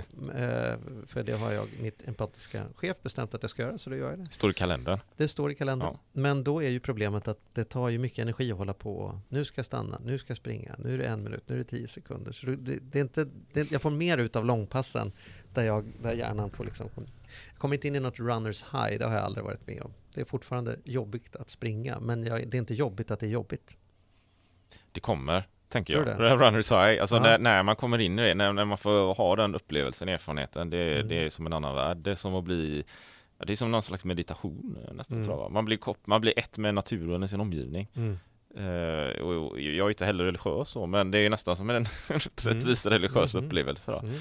Och den kan hålla i sig också och någonting som den faktiskt påminner om när vi pratar om ett rika liv och affärer och alla sådana här en runners high är ju på sätt och vis påminner om en sån här inre glöd eller någon passion Mm. som jag upplever att jag också kan få när jag bygger bolag och Mm. företag och sådär men den kan ju hålla sig längre, den kan hålla sig flera Mm. dagar när jag känner att det, Mm. det brinner inom mig på något sätt Mm. så runners high är ju som den kicken fast den brukar ju vara lite kortare då kanske Mm. men det påminner i alla fall, det hänger ihop Vi får se om, jag, om den kommer. Kommer Jag, nog. nu är inte mina långpass än, de är dryga två mil, så att det Ja. kanske behövs lite längre innan det kommer. Det är kanske olika. Det, det, det är en träningsförmåga kanske, Kanske. kommer, Vi får kommer. se. Ja, men, men, det, men det som jag har lärt mig mycket ifrån jag tror att jag var ganska tränad i det tidigare, men jag har, har återknutit mer till den. Det är så att, att man kan tycka att någonting, eller man, någonting kan vara jobbigt, men det behöver inte vara jobbigt att det är jobbigt.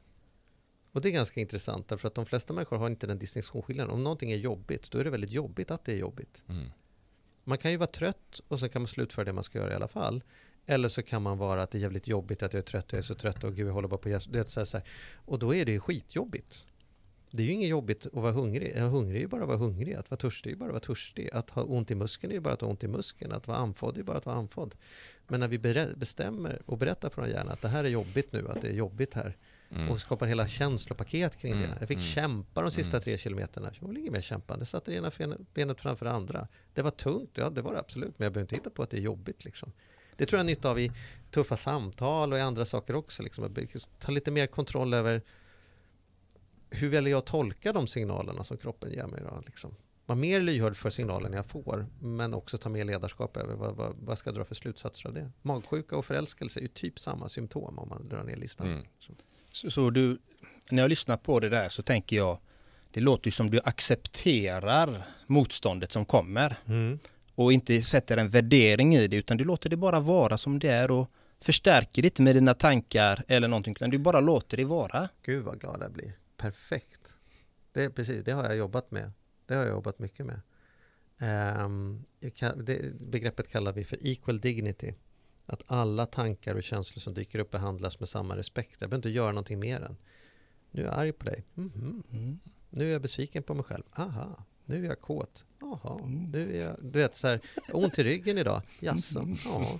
Inte behöva, ja då måste jag, du vet så här, utan bara kunna vara med, notera vad som är eh, och, och inte hitta på att det finns bättre och sämre känslor, bättre och sämre signaler. Det är precis, det är precis bara vad, vad det är och jag Mm. kan börja hänga med dem alla och vara med dem utan att behöva tillskriva dem Mm. någon någon aktion tvångsmässigt eller, eller liksom något rättfärdigande eller rationalisering eller något sånt. Så om, du, om du hör det, det jag säger, då blir jag jättegglad för det har jag verkligen övat Mm, på. för, det, för det var det jag hörde. Och, Oh, wow. och då reflekterar jag återigen tillbaka till Lyxfällan. Att Mm. du tar med dig deras ångest, deras problem. Gjorde du då? Mm. Du kanske inte skulle agera på samma sätt idag när du, har, den, inte. när du har den kunskapen Mm. du har, att du inte tar med dig det. Mm. För att då accepterar du det, att det ligger hos dem.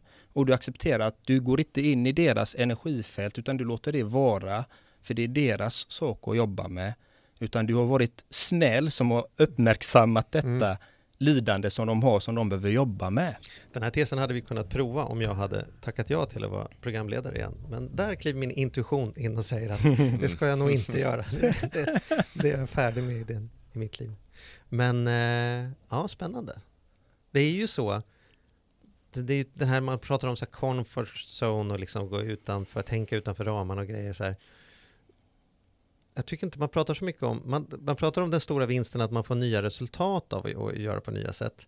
Men, men den dolda vinsten tycker jag också är, att, är ju den förändringen man får av, av sin förmåga genom att göra det. Saker som Jag kan hela tiden fånga sig att saker som jag gör idag utan några större problem, som sånt här, liksom, värdera de här tankarna, springa vidare även om jag har ont eller någonting sånt, eller vad det kan vara.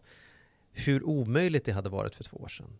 Eller Mm. hur jag kan ha ett samtal som att känna så här, shit, hade jag haft det här samtalet då, då hade jag haft stor ångest för det. Det är ju oftast, du vet, så är det, man man är ju inte närvarande till hur mycket lättare vikterna blir eh, förrän man liksom belastar och konstaterar, shit, kan jag liksom, kan jag marka 130? Det, det, jag var inte på det här tiden. Det, så det är ju ändå intressant. Jag tycker det är intressant att det där pågår hela tiden. När jag, varje gång tycker jag försöker stanna upp med tacksamhet och konstatera att nu är det jobbigt, men det här hade varit jädrigt mycket jobbigare för två år sedan, eller fem år sedan, eller hade det här uppstått i mitt liv då, då hade jag varit kris. Nu är det en tuff eftermiddag, det är det tveklöst, men det är inte kris längre. Liksom. Och det, det, är, ju- det är som svårt att se själv att man växer. Liksom. Det är först när man träffar någon annan som säger, gud vad stor har blivit. Mm, de där tegelstenarna tar inte, utan det får bli ännu större. Mm.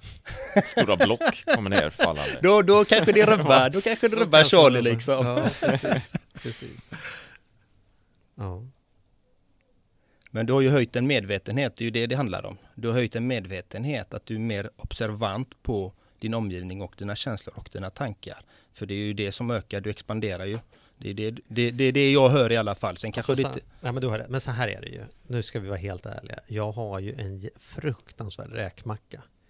Alltså jag råkar, jag råkar haft turen att jobba tills, tillsammans med några av Sveriges absolut främsta coacher och tänkare kring personlig utveckling och sådana saker. Jag har fördelen med att ha, ha klienter som förväntar sig att jag ska vara klarsynt i de här frågorna varje dag. Jag har drivit utbildningar i hur man växer som människa i, i, i 15 år. Jag har så mycket struktur på, på plats i mitt liv som underlättar för mig att vara precis så här. Och det är ju ingen tillfällighet. Det är ju någonting som jag har byggt med, med flit och systematik för att ha i mitt liv. Men, men, men eh, i dagsläget så har jag ju det så otroligt mycket gratis Eh, jämfört med andra människor. Det är ju som att jag är i en pool hela tiden. Det vore mirakel om jag inte var blöt, för jag är ju i poolen hela tiden. Det är klart jag blir blöt. Någon annan kan ju stå i öknen och säga så här, åh, men jag hade fått lite av den här fukten. Jag förstår, men för mig är det ju lätt att vara reflekterande, därför att jag är ju bara omgiven av reflekterande sammanhang precis hela tiden. Och, och eh, så var det när jag startade Joiners för ett träningsföretag. Det var ju samma strategi där. Jag tänker så här, spelar roll om vi tjänar pengar eller inte. Om jag driver bolag med två PTs, då kommer jag aldrig vara tjock igen någonsin. Det är ju liksom, du vet, bara sätter jag med den poolen, då fan kommer jag vara blöt liksom så här. Så att hemligheten, skillnaden mellan svårt och lätt är ju ofta struktur. Struktur. Så att kämpa, vi kämpar oftast onödigt mycket med, med förändringsprocessen av oss själva, eh, tycker jag, istället för att när man är inspirerad skapa schyssta förutsättningar för en själv att lyckas om och om igen. Och då är vi tillbaka lite i hållbarhet. Misstaget jag tycker många människor gör, det är när de blir inspirerade, då gör de grejer. Och det kan man ju tänka sig, det är väl inget fel på det. Jo, men det som händer är oftast att inspirationen hinner gå över innan de där resultaten har kommit som ger inspiration igen. Man står där på nyår och bara så här, nu jädrar ska jag, ska jag börja liksom träna. Och så tränar man i två veckor så blir man förkyld och sen är det borta igen därför att man använder den, inspirationen man hade till att göra grejer. Det jag har lärt mig med tiden är att när jag är inspirerad så bygger jag strukturer.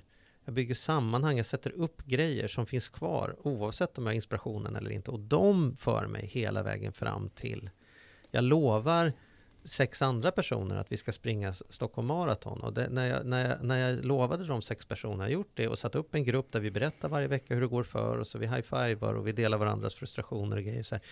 Då vet jag ju att jag vid det här laget vet att jag är en person som kommer att göra det. Har jag sagt att jag ska göra det kommer jag göra det. Och regeln är att vi ska ha kul innan, vi ska ha kul under, vi ska ha kul efter. Okej, okay, då är det den principen jag får springa med. Men en mindre tränad person i de sammanhangen hade kanske tagit den inspirationen och bara sprungit. Eh, och då är risken att när den inspirationen är borta så är också projektet dött. Så, att, så att jag, jag tror att hemligheten mycket är att hitta sammanhang, antingen personer eller, eller andra typer av strukturer. Jag har ju orerat om i min kalender är liksom Gud i mitt liv och jag har ju liksom pratat om människorna jag har omkring mig. Men det finns ju förstås olika typer av sammanhang man kan göra. Eh, men bygger man strukturer, sammanhang, då vinner ju de nästan alltid över liksom tillfällig inspiration. Det är därför jag inte gillar bootcamp-grejen. Då. Jag, liksom, det är ganska bokstavligt eh, bild där egentligen. Man, man får inspiration efter en föreläsning eller man läst en bra bok och, och, om träning kanske då, Mm. och ser man sig ut och springer ifrån inspirationen. Ja. Den är kvar i startfållan Ja. där någonstans Ja. Och kommer i mål och är trött och, så vidare och så Mm. tappar det och så börjar man om från scratch då Mm. kanske nästa Mm. dag. Så uh, för någon som kanske då lyssnar på podden här också som vill komma igång och det är lite tufft och det är lite motigt och har inte kommit så långt i sin egen kanske då personlig utveckling och inte skapat strukturerna så här. Alltså, finns det någon slags första steg på något sätt? Eller Absolut. komma på rätt väg? Hitta ett, hitta ett sammanhang med andra människor som redan är igång. Det är ju, vi är så onödigt stolta och ska göra på vårat sätt trots att vi är nybörjare. Bara haka på, haka på någon annan. Och, och det kan man säga så här, skaffa en PT som jag gjorde så här, ska jag betala någon 800 spänn i timmen för att räkna armhävningar? Det är inte som att jag inte kan räkna, jag vet armhävningar. Så här. Men det gör skillnad. Om jag har de mötena bokade, jag vet att betala för dem, då kommer jag dyka upp. Är jag fem minuter sen, då kommer någon fråga, är du på ingång eller? Det är fan värt pengarna, bara det. Lägg upp ett, för mig så att lägga upp ett kostprogram istället för att säga jag ska börja tänka lite mer på vad jag äter. Jag ska nog dra ner lite på kolhydrater. Nej men stenhårt, det här är vad jag kör. I sex månader kör jag det här och ingenting Mm. annat. Ni andra vet om det. Sen utvärderar vi och ser om det blir bra eller inte. Eh, är det här bäst, är det bästa sättet för mig? Jag har ingen aning. men det är ett sätt. Ja men det är ansvarstagande. Ja. Man tar ju ansvar för sitt liv där. Och då står de till svars till någon annan. Och då upplever de, många upplever att det blir obekvämt. För att, Ja, ja, ja, ja, så, så jag ska säga, tillbaka till strukturen. Va? Kör. Ja. Vill, du, vill du till Paris? Det är klart att du kan fotvandra till Paris, men risken är ju överhängande. Du kommer tröttna på vägen. Köp en flygbiljett, sätt dig på planet. Du kommer inte ens om du skriker komma av först du landar i Paris. Du kommer vara framme i alla fall. Och så är strukturen för mig. Liksom. Så joiners är för människor som vill hitta träningsglädjen. Du kommer under en termin hitta träningsglädjen. Sen har du träningsglädjen. Mm. Liksom. Balansekonomi är för människor som vill bygga sig ett rikare liv, få mer tid, mer pengar, mer energi. Ja, det kan man fixa det hemma i garaget. Ja, men jävla tur kan man ju hamna i Paris när man är fotvandrare också. Eller så köper man bara en Mm. biljett, gör jobbet, går till någon som har gjort det med 10 000 andra människor tidigare. Jag är ju coach, ni tränar ju människor som, som jag vet i alla fall att du Erik, om man säger så här, ja, nu vill jag springa maraton eller sådana saker så här. Det är klart att du kan googla upp liksom massa YouTube-klipp på hur du gör det. Eller så går man bara till någon och säger så här, forma mig. Jag lovar att jag, om du lovar att du säger rätt saker, lovar jag att jag ska göra dem. Mm. Och sen är det klart. Mm. Alltså, man ska inte underskatta sammanhang. Det är, vi, vi gör oftast så svårt för varandra.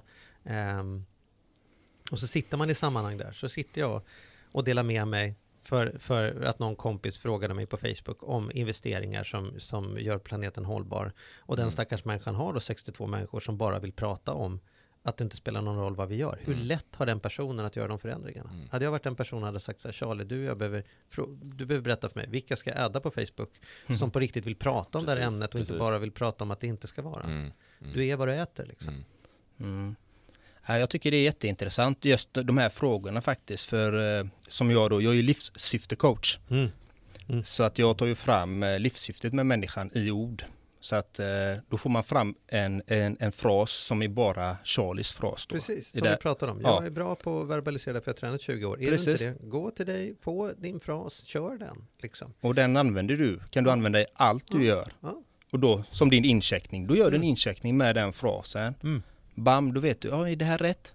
Mm. Eller är det rätt från mitt autentiska jag eller är det inte? Mm. Eller är det hjärnan nu som, eller är det mina känslor som håller på och velar? Mm. Men säger man frasen så får man, ja men det är lugnt. Jag ska följa det här, det handlar inte om de 10 miljonerna eller, eller att jag ska vinna den här festen eller den här parten eller vad det nu må vara. Utan då kommer det från ens autentiska jag, då blir, då blir det ingen tveksamhet. Men väljer man inte från sitt autentiska jag i det läget, då har man helt plötsligt validerat med sin självkänsla. Mm. Då har du sålt dig själv, Mm. sålt ditt innersta jag Mm. för någonting annat, Mm. för något yttre. Istället för att gå efter det inre. Så det är lite det som jag, det är därför jag hela tiden frågar varför, vad brinner du för? Mm. Och du svarade väldigt fint, liksom dina tre kärnor. Mm. Liksom. Och det, det är det, folk vet ju oftast inte varför de är här, vad de Mm. har för syfte och de, hur de ska gå vidare. Mm. Det är det som jag brinner för, så himla mycket, liksom Mm. att få fram detta. Vet vem du är, jobba med dig själv, gå Mm. till en coach, gå, hitta ditt sätt att röra dig på. Om ditt sätt är att gå i naturen, så gå i naturen. Mm. Gör din grej. Du vet bäst vad som är bäst för dig, men ta hjälp av någon också så att Mm. hitta dina saker. För man kan göra jobbet själv, absolut, men det går ju så mycket längre tid. Mm. Mm. Då springer man in i betongväggen hundra gånger. Mm. Och sen, ja, ah, jag kan gå runt, eller jag kan klättra Mm. ovanför. Mm. Det är liksom de bitarna där, så att eh, jag tycker du formulerade det så fint där med dina drivkrafter.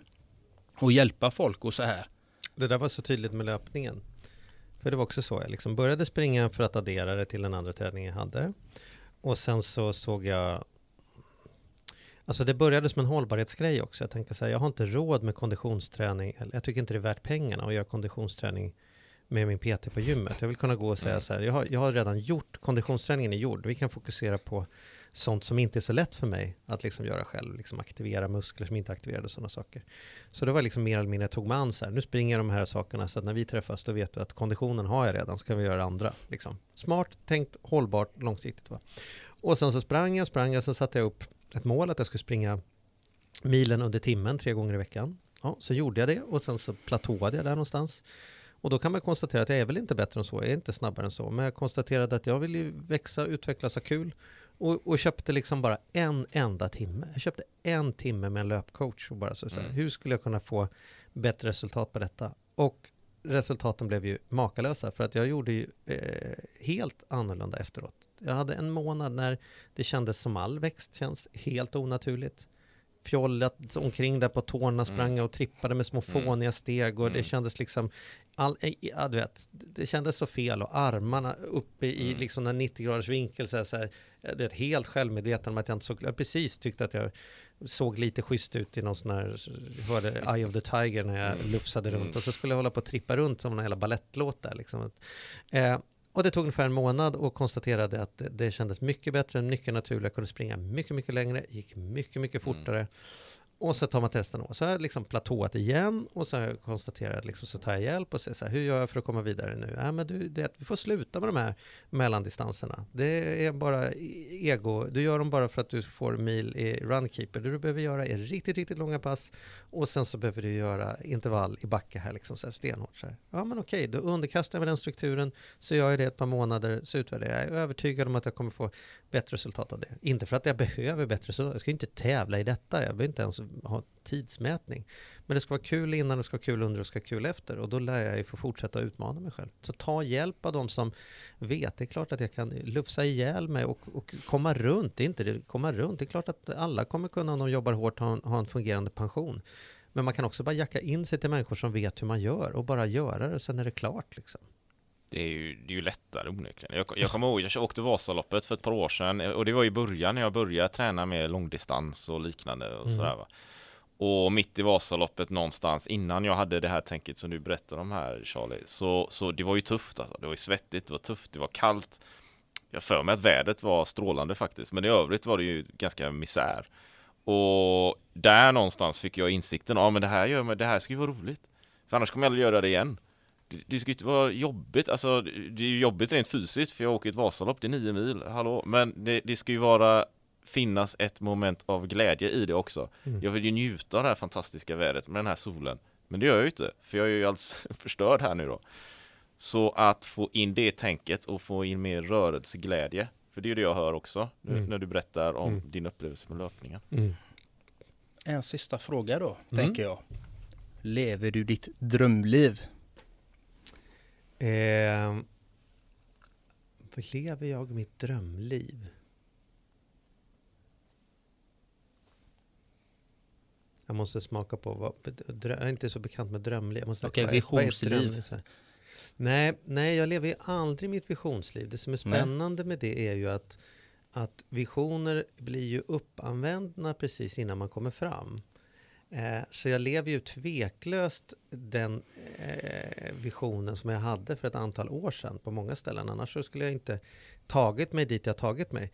Men nu är jag ju uppfylld av nya, eh, du vet, mitt Gröna Lund byggs ut med nya attraktioner att åka. Så just nu är jag driven av nya spännande saker. Det som var, det som var väldigt angeläget som en symbol för att ta sig vidare för ett tag sedan är inte alls lika angeläget längre. Och, och eh, Ehm, så att, eh, nej, jag, jag, jag, jag, jag led, drev, så, så lever jag aldrig min vision. Jag har alltid en vision om att komma vidare. Och det, men därmed inte sagt att jag inte är stolt och glad och tacksam över det jag har. Så att det, är det är ingen dålig nyhet. Jag tror bara aldrig att man är aldrig att man är framme där. Och då får man tycka det är tragiskt eller så får man bara konstatera att jag tror så här, livet är i ständig förändring.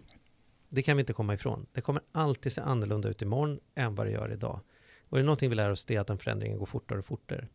Så frågan är inte huruvida jag är sugen på att förändra mitt liv eller inte. Därför det kommer att förändras. Frågan är bara om den, nu, om den bilen ändå kör, var tänker jag sitta i bilen? Tänker jag köra genom att styra mot min vision? Eller tänker jag sitta i baksätet och, och, och klaga på den som kör? Eller tänker jag ligga gaffatejpad i bakluckan och bara att livet mest hände? För förändras kommer det. Och därför tar jag en aktiv del i att skapa en tydlig vision för mitt liv om och om igen. Väl medveten om att jag kommer högst troligen svänga av innan jag är framme. Och det är en del av processen. Eh, jag tror inte på folk som har så tioårsplaner. Vad vet vi om livet om tio år? En vision om från tio år kan man ha. Sen uppgraderar man den med tiden. Men, men eh, det är resan som är målet. Men det är ju roligare om man kör än om man ligger gaffatejpad i bakluckan. Liksom. Då, då omformulerar jag frågan. Det blev en fråga till för er där ute som lyssnar. Ja, bonusfråga. Ja, det blir en bonusfråga. Älskar du ditt liv? Ja, det gör jag. Ja, det gör jag. Andrea och jag satt och pratade det här om dagen att sen nypas i armen, att fantastiskt att vi har det livet vi har. Alltså man kan ju höra ibland när människor engagerar sig i problem de upplever att de har. Och det menar jag inte att diskvalificera dem. Jag bara säger att problem är en upplevelse, så de upplever att de har dem. Eh, och bara tänka så här, gud, de problemen har inte vi. Vad har vi för problem då? Vad är det vi upplever? Vad är det vi har på liksom våran så här, brottas Mm. med?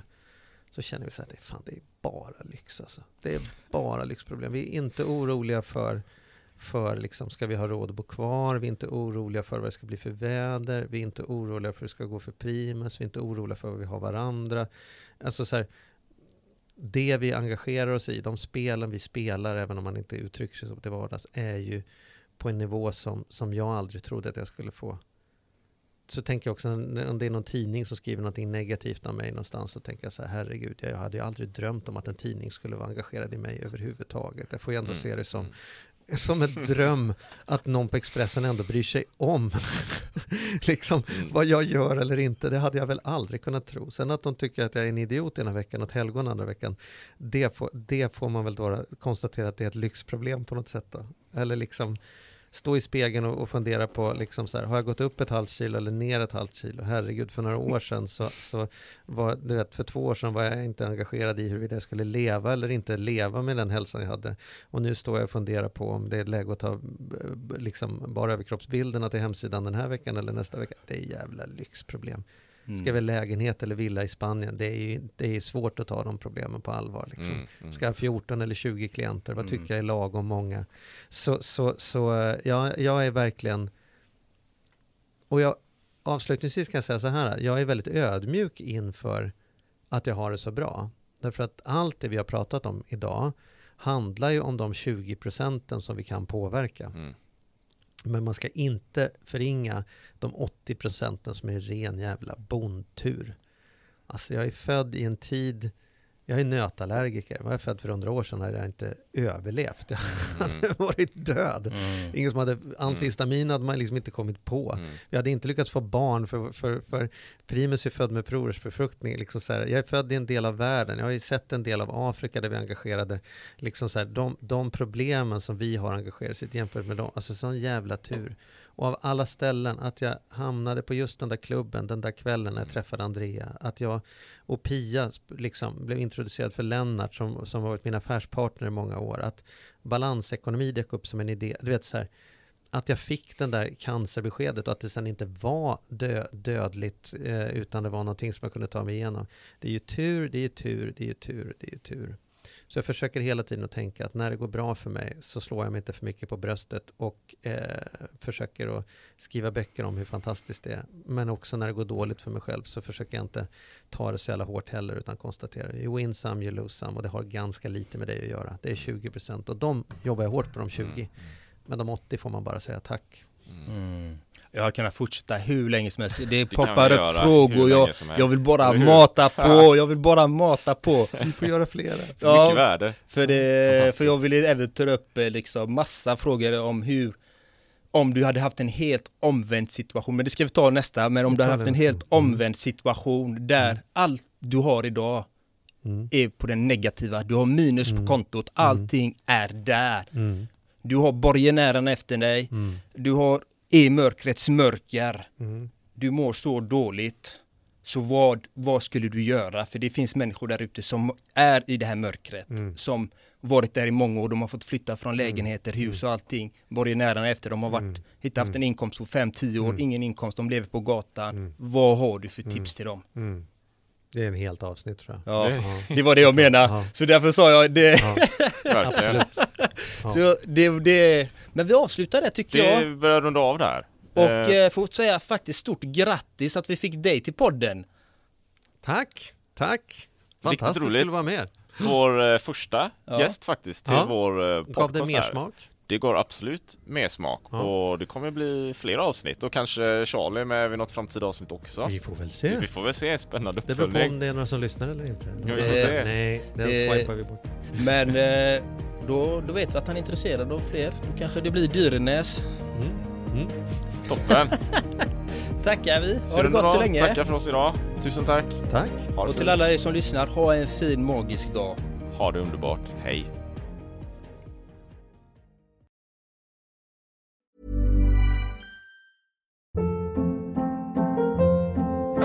Hold up. What was that? Boring. No flavor. That was as bad as those leftovers you ate all week. Kiki Palmer here, and it's time to say hello to something fresh and guilt-free. Hello Fresh. Jazz up dinner with pecan-crusted chicken or garlic butter shrimp scampi. Now that's music to my mouth. Hello Fresh. Let's get this dinner party started. Discover all the delicious possibilities at hellofresh.com.